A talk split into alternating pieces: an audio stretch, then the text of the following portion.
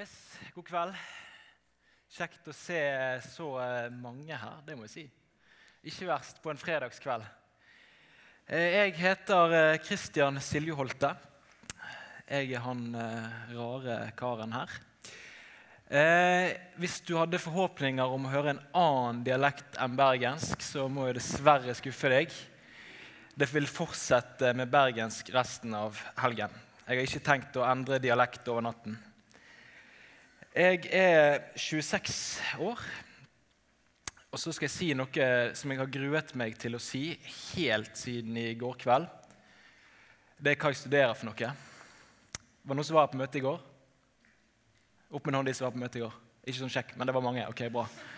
Eh, det har seg sånn at jeg er masterstudent på Fjellhaug. Eh, Så langt så er det ingen som har falt i bakken når de har sett meg. Jeg vet ikke hva det skal bety. Men eh, det er i hvert fall sånn det er. Og jeg er da ferdig med den mastergraden til eh, sommeren.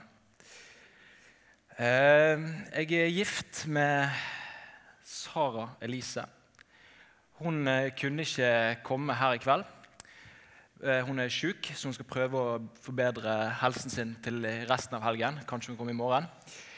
Eh, Så jeg, eh, så når jeg Før skulle tale her, så gikk jeg gjennom den talen for hun hjemme. Så hun fikk jo høre litt forkynnelse hjemme da, i stuen.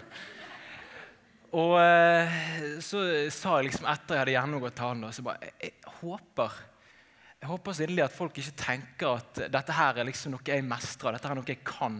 Det, det temaet jeg skal snakke om i dag. Altså, jeg håper folk forstår at jeg er ikke perfekt. Det, det er jo noe gale med meg òg.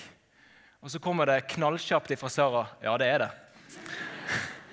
Så eh, det sier litt om ja, vanskeligheten jeg skal eh, snakke om her i dag. Eh, og så er det litt morsomt, litt sånn galgen her nå, da, at jeg skal stå her og forkynne. For jeg skriver en mastergrad om forkynnelse. Og nå skal jeg stå her og forkynne. Så fallhøyden den er meget stor, kan du si. Men så tenker jeg at det, kanskje så er det flere enn meg som syns det er vanskelig å strekke seg, vanskelig å leve opp til det som er idealet, eller det man tenker er idealet. Yes. Flott initiativ med møteuke. Veldig, veldig bra. Troen det er ikke en prestasjon som vi skal få til å mestre. Det er noe som skjer i ditt hjerte når vi åpner Skriften, når vi åpner Bibelen. Da kan Jesus møte deg og gi deg tro. Så når Bibelen åpnes, og når det er møteuke, så kan Gud møte deg. Han ønsker å møte deg. Han ønsker å gi deg tro, som er tillit til han. Og forkynnelsen det er et redskap Gud bruker til å gi deg tro. I dag så eh, er det en tematale. Dvs. Si at jeg skal ikke gå gjennom én spesiell tekst i Bibelen. Men jeg skal snakke om et tema og hoppe litt frem og tilbake i Bibelen. Og som sagt så er det ikke noe som er lett å snakke om. Og det er heller ikke noe vi skal ta lett på. Det er tøffe ting å stå her og skulle tale om det jeg nå skal snakke om. Det er noe som hører med det kristne livet. Og så er det noe som vi kan kalle for ransakende. Vil si at kanskje får du noen tanker underveis. Kanskje du kjenner på litt hjertebank. Jeg skal tale om det som heter omvendelse. Daglig omvendelse. Og så er det noen som sier at omvendelse er ikke, det, er ikke en engangshendelse. da. Det er ikke noe som skjedde en gang. Vi hører jo om mange kristne folk som ble omvendt. Men så er det noe som heter daglig omvendelse. Det er ikke en engangshendelse. Å leve som en kristen det handler om å leve i omvendelsen. Og Det tror jeg er en kamp for alle sammen, for alle oss som tror på Jesus. Det er så mange ting som kan komme i veien og ødelegge vårt forhold til Gud. Så før jeg skal begynne å bla litt i Bibelen, så kan vi be sammen. Kjære Jesus, takk for at du er her nå, til stede med din ånd. Takk, Jesus, for at du er ikke en eh, fantasi eller en eh, privat ting, en hobby som vi holder på med på fritiden, men du er vårt liv. Takk, Jesus, for at du elsker hvert enkelt menneske. At du er villig til å gå i døden for hver og en av oss. Takk for at vi kan få kjenne deg, ikke pga. den jeg er, eller på den grunn av hvem vi er, men pga. hvem du er, Jesus. Jeg ber deg om at du må bli stor i kveld, og at jeg må bli liten, og at du, Jesus, møter hver enkelt her i kveld. I ditt navn. Amen. Bibelen snakker mye om det å vende om, eller det som heter omvendelse. I Malakias bok, i profeten Malaki, så leser jeg om et folk som trenger å vendes om. De hadde ingen klar bevissthet om at de var syndere, eller at de hadde valgt å gå bort ifra Gud. Men så i Malaki 3,7 så står det helt fra fedrenes dager har dere forlatt mine forskrifter og ikke holdt dem. Vend tilbake til meg, så skal jeg vende meg mot dere, sier Herren over herskarene. Men dere sier, hvordan skal vi vende tilbake? I Det nye testamentet Jesus han forkynte. Og Det første han forkynte når han begynte sin gjerning her på jord, var følgende.: Tiden er inne. Guds rike er kommet nær. Vend om og tro på evangeliet. Det står i Markus 1,15, og i versene etterpå så ser vi om vanlige folk i vanlig arbeid slipper alt de har i hendene, og følger Jesus. De fikk eh, rett og slett et livsforvandlende møte med Jesus. De holdt på med noe, en ting, og så begynte de å gjøre noe annet. De gikk bort fra noe til noe annet. I Apostels gjerninger så leser vi om de første kristne. De forkynte til andre mennesker at de må, måtte vende om. Men hva betyr det å vende om? Eller det som vi sier på, på kristenspråket, omvendelse. Hva betyr det? Og Ordet det kan bety å skifte retning. I Det gamle testamentet så betyr det det å skifte retning. Og I Nytestamentet er det snakk om en sinnsforandring. Endring i, i sinnet. Det vil si at det er noen som går én retning, og så skifter det retning. Ikke 360 grader, for da kommer du tilbake samme veien, men 180 grader. En helt ny retning. En stikk motsatt retning på livet.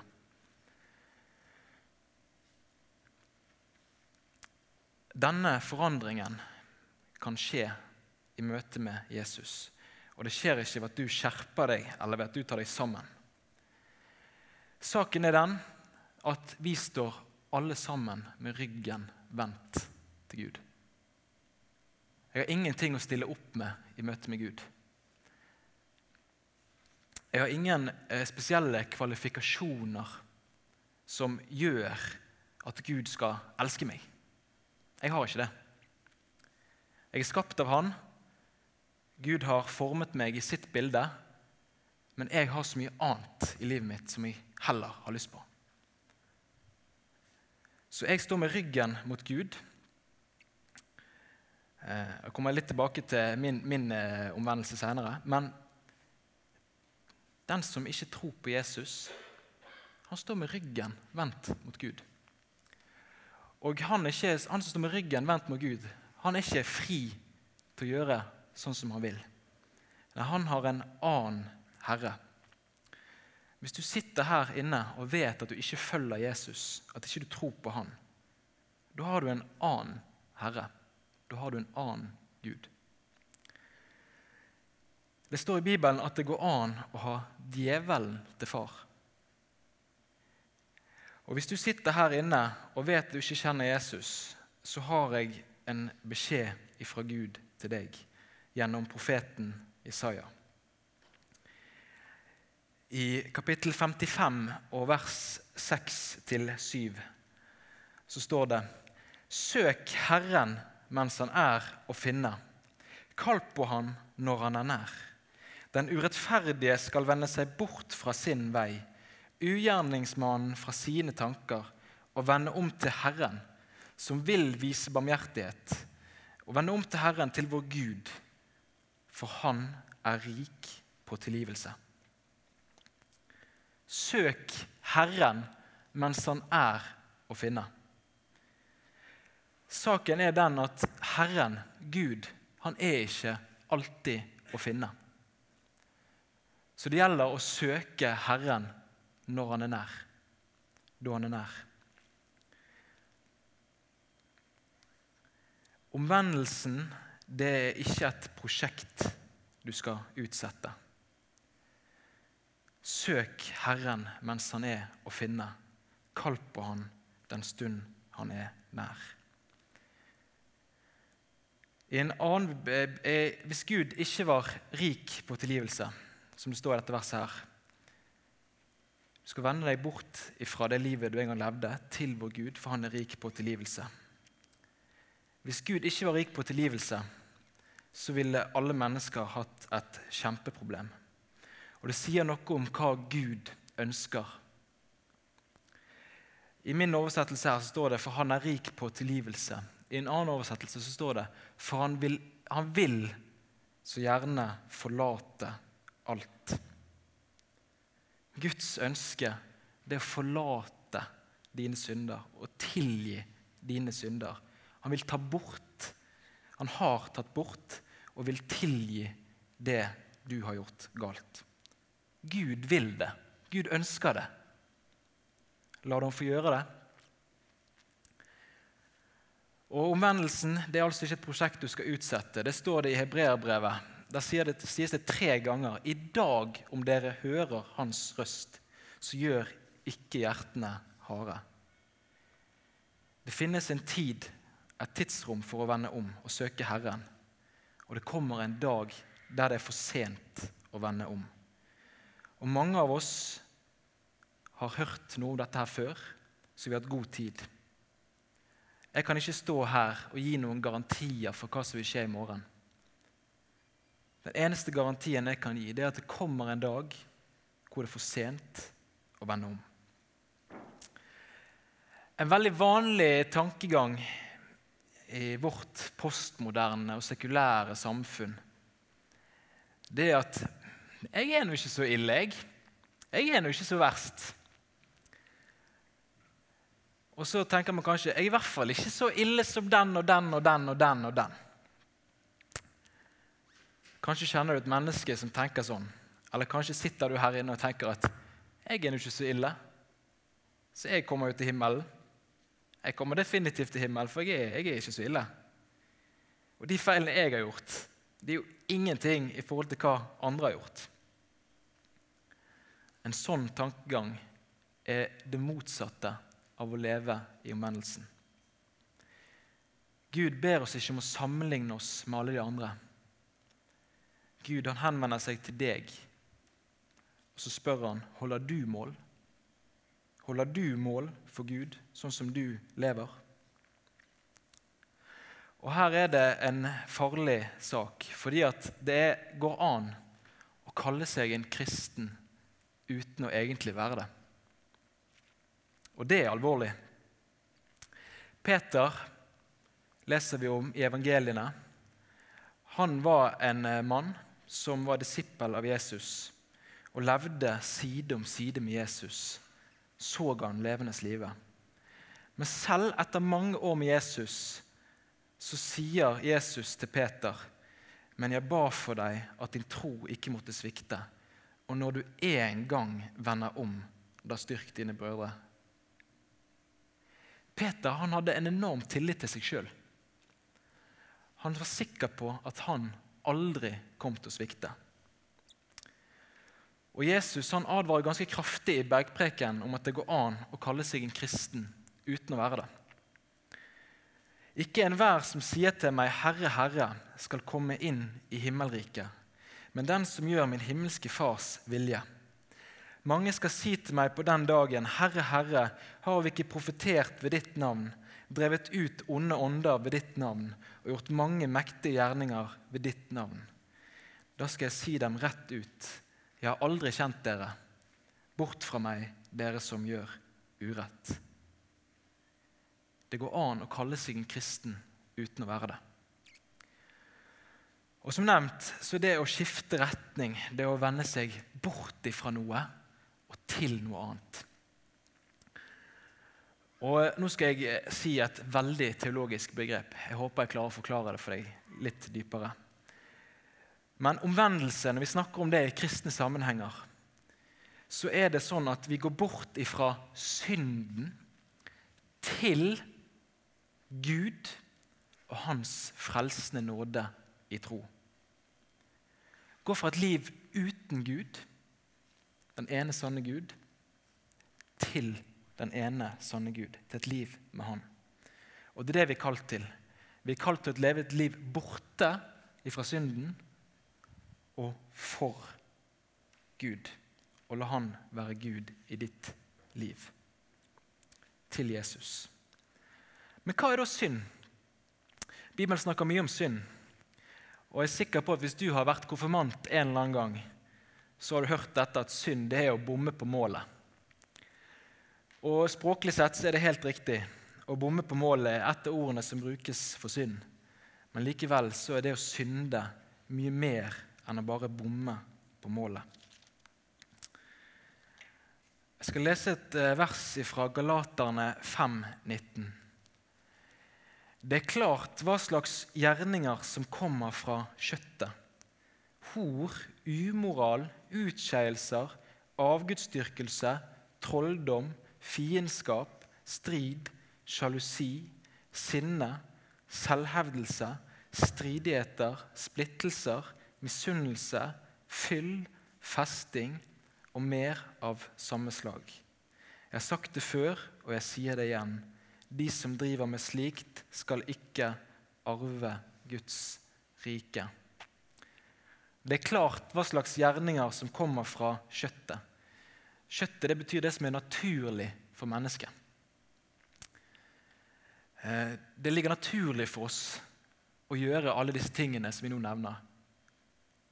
Kanskje tenker du sånn der overfladisk på det at nei, nei, det der, er, det der er ikke så farlig, eller det der er ikke så nøye, eller det der er ikke i, i mitt liv. Men det nevnes faktisk flere helt konkrete ting her. Og jeg kjenner meg veldig igjen når jeg leser disse tingene. De som gjør disse tingene, skal ikke arve Guds rike. Det er et annet ord for at slike mennesker ikke kommer til himmelen. Den som driver med sånt, skal gå fortapt. Og Gud han ser ikke lettvint på synd. En viktig ting vi skal legge merke til med synden, det er at han ønsker makt over deg. Det leser vi i første Mosebok kapittel 4 og vers 9. Helt i begynnelsen av Bibelen så leser vi om Herrens ord til Kain. Men hvis du ikke vil gjøre det gode, ligger synden klar ved døren. Den ønsker makt over deg. Synden ønsker makt over deg. Satan ønsker makt over deg.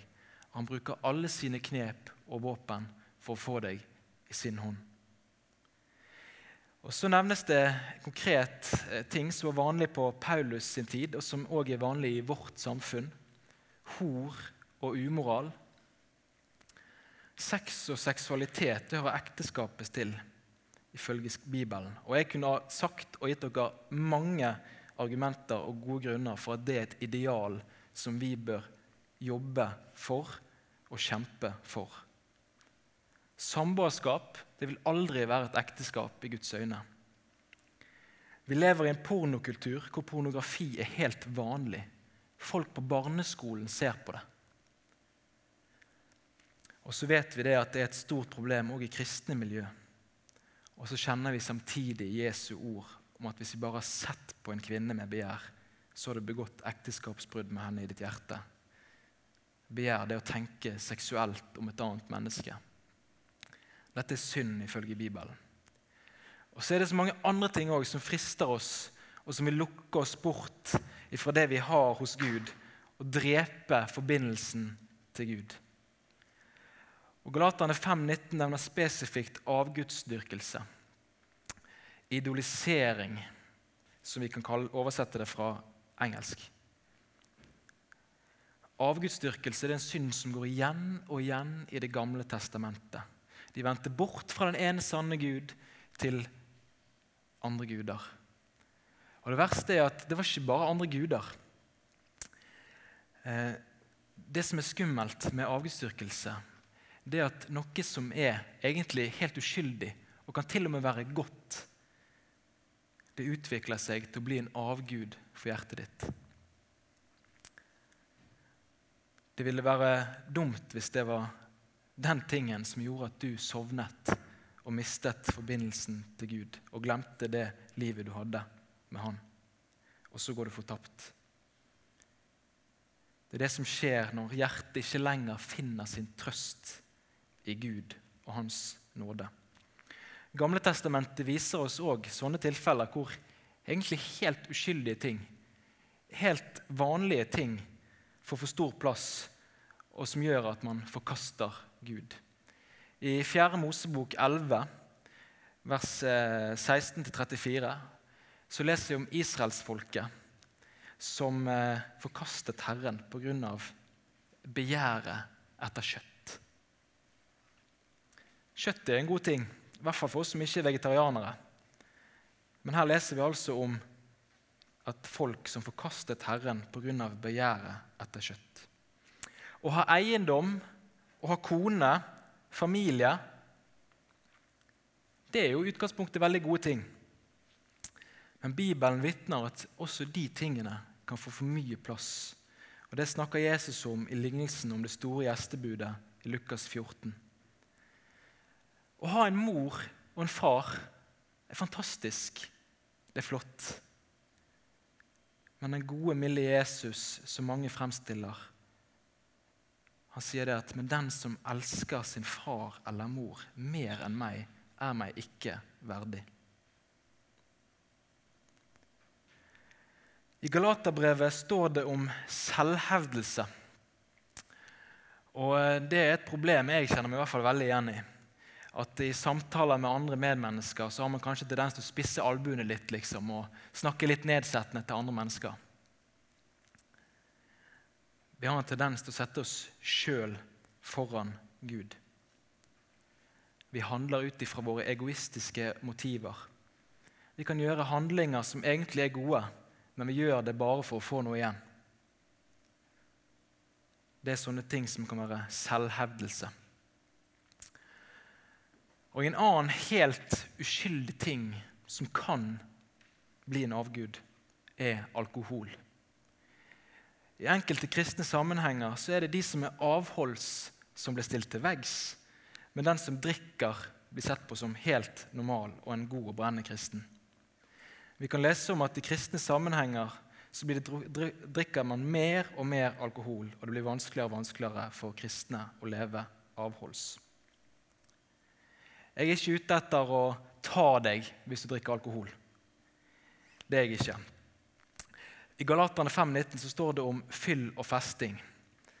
Og Da jeg var en god del yngre, jeg kan fortelle det nå, for det er såpass lenge siden, da var jeg med på byen. Er det noen som har hørt det uttrykket før? eller? Med på byen. Og eh, Da var det et utested i Bergen, og jeg takker Gud for at det er nedlagt nå. Men det het eh, ironisk nok Exodus. Dusen, som de kalte det. Og jeg var hjemme på forspill hos mine gode kristne kamerater. Og Vi satt i en stue, og jeg likte egentlig ikke smaken på noe av det som ble servert der. Men eh, for å være kul så drakk jeg litt av det. Prøvde det ut. Og så eh, var jeg litt bekymra for hvordan resten av kvelden skulle gå. Jeg var det. Hva kommer til å skje? Og så eh, skulle vi på byen da, etter dette forset, og jeg skulle være med mine kristne venner. Og så sa de at vi kan jo vitne om Jesus på byen òg. Og For å gjøre en lang historie kort så ble det mer festing enn fine vitnesbyrd den kvelden. Og Jeg ble stilt til veggs på min kristne tro, og siden den gang så har jeg aldri rørt alkohol. I Korsets seier så kunne vi lese om folk som er aktive kristne, som går i menighet, som eh, gjorde det som de kaller for kristenfylla. Aktive kristne, altså, som kobler av det kristne gudslivet for å gå på fylla. Og så sier, de, så sier Galaterbrevet 5,19 at de som driver med fest og fyll, ikke skal arve Guds rike. Og Bare la det være klart. Hvis du sitter her inne og drikker alkohol Jeg er ikke ute etter å ta deg. Alkoholen i seg sjøl trenger ikke å være verken giftig eller farlig. Men hva gjør det med hjertet ditt? Lyger du deg selv? Lyger du for deg sjøl i møte med det? Du trenger ikke å svare for meg i det hele tatt, men du kan stille deg sjøl det spørsmålet. Og I løpet av eh, dette her vanskelige tingene som kanskje vi alle kjenner på, så har jeg lyst til å spørre er Kristus, er Jesus blitt alt for hjertet ditt? Er Kristus blitt alt for hjertet ditt? Jesus han spurte Peter elsker du meg. Ikke bare én gang, men tre ganger. Og Jeg har tenkt på den teksten ufattelig mange ganger. Hva hadde jeg svart hvis Jesus kom til meg og spurte elsker du meg? I lys av det vi har snakket om nå, og i lys av det jeg har nevnt nå, hadde Jesus kommet og spurt meg elsker du meg. Det ville vært veldig vanskelig for meg å svare.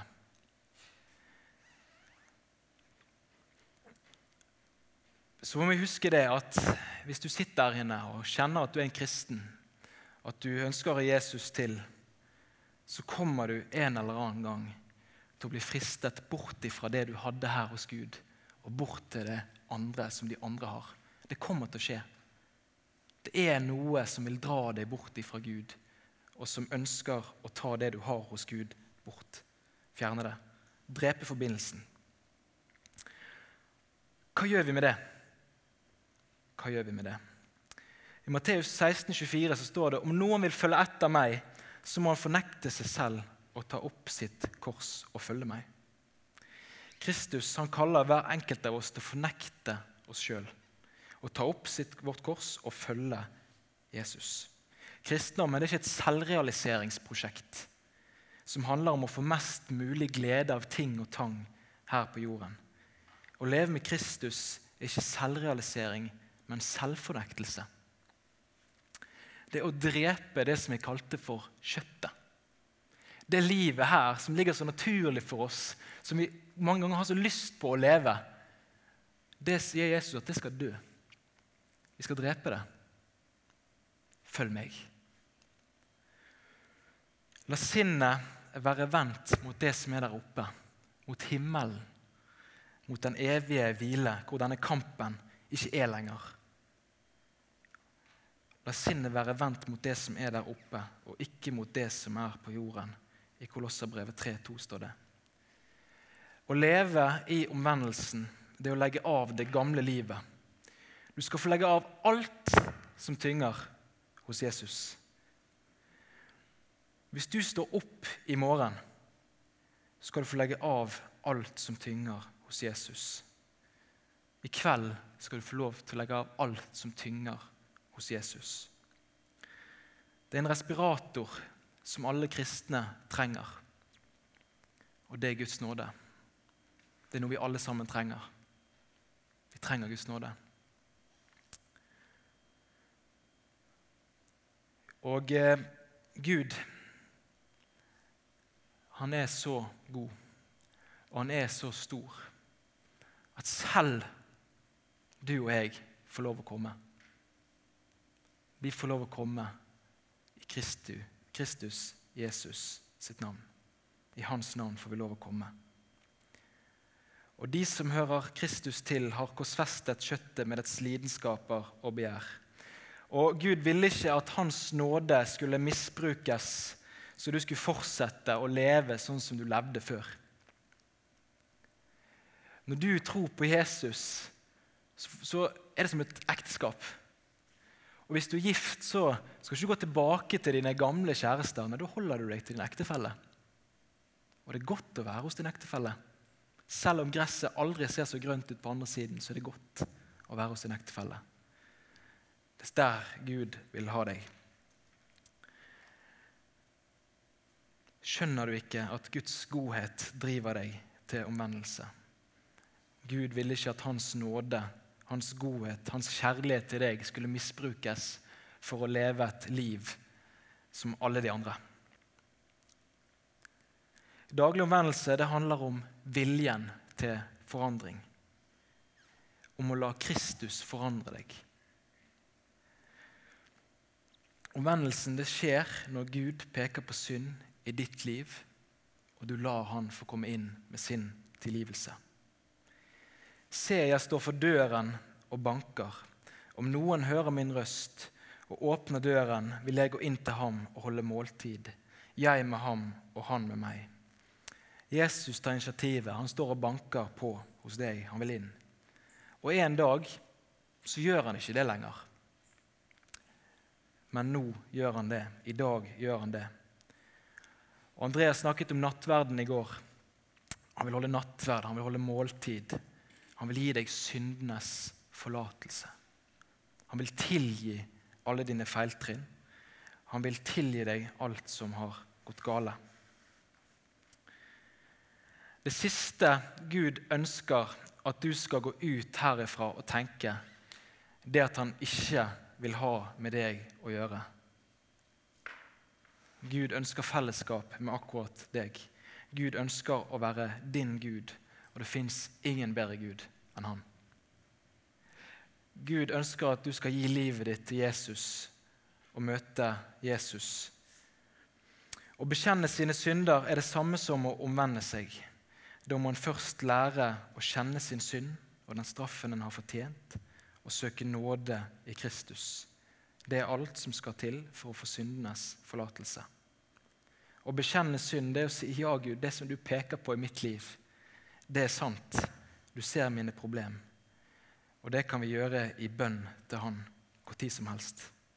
Vi kan komme til Gud og be Han ta over styringen.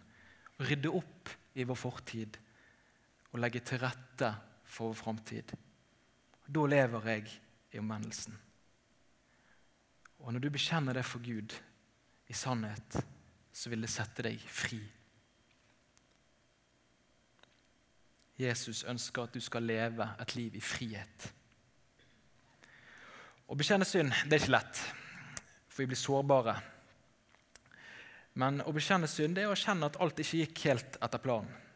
Og Det burde være en naturlig del av misjonssalen og av vår menighet. Vi er kalt til å bære byrdene for hverandre. Og Her i misjonssalen så har vi ofte snakket om at ja, vi går med så mange fine klær, og alle ser så bra ut. Og, og det er helt sant. Det er mange hyggelige folk her, og vi ser bra ut, hele gjengen. Kanskje ikke han står oppe, men altså, vi ser bra ut, hele gjengen. Og Likevel så er det kanskje noe under klærne, under i vårt hjerte, som eh, ja, Hvor det ikke er alt som det skulle være. Det er ikke alt som er perfekt under der. Og I misjonssalen så har vi forbønn på hvert eneste møte. Og så har jeg hørt det om forbønn, at det liksom, å gå til forbønn det, det, er en walk of shame. At det er liksom de som sliter, de som har det skikkelig drit, de går til forbønn. Og Jeg har vært forbeder i misjonssalen i, i, mange år. Jeg har ikke vært det nå det siste. Men jeg lurer på liksom, hva er det som skal til for at dette blir en naturlig del av en forsamling, en så stor forsamling. Forbønn det er ikke noe du trenger å ha sinnssykt tøft for å gå til. Du må ikke oppleve din livskrise for å gå til forbønn. Jeg tror vi alle sammen trenger det. Det er så fint at en annen har lyst til å be for meg, for, til Gud, for mitt liv. I kveld så er det òg forbønn. Bruk den muligheten. Og så Til slutt så har jeg lyst til å si det som jeg leste fra Isaiah 55. Kom til Jesus, kom til Gud for han vil så gjerne forlate alt. Kom til Jesus og lev. Amen.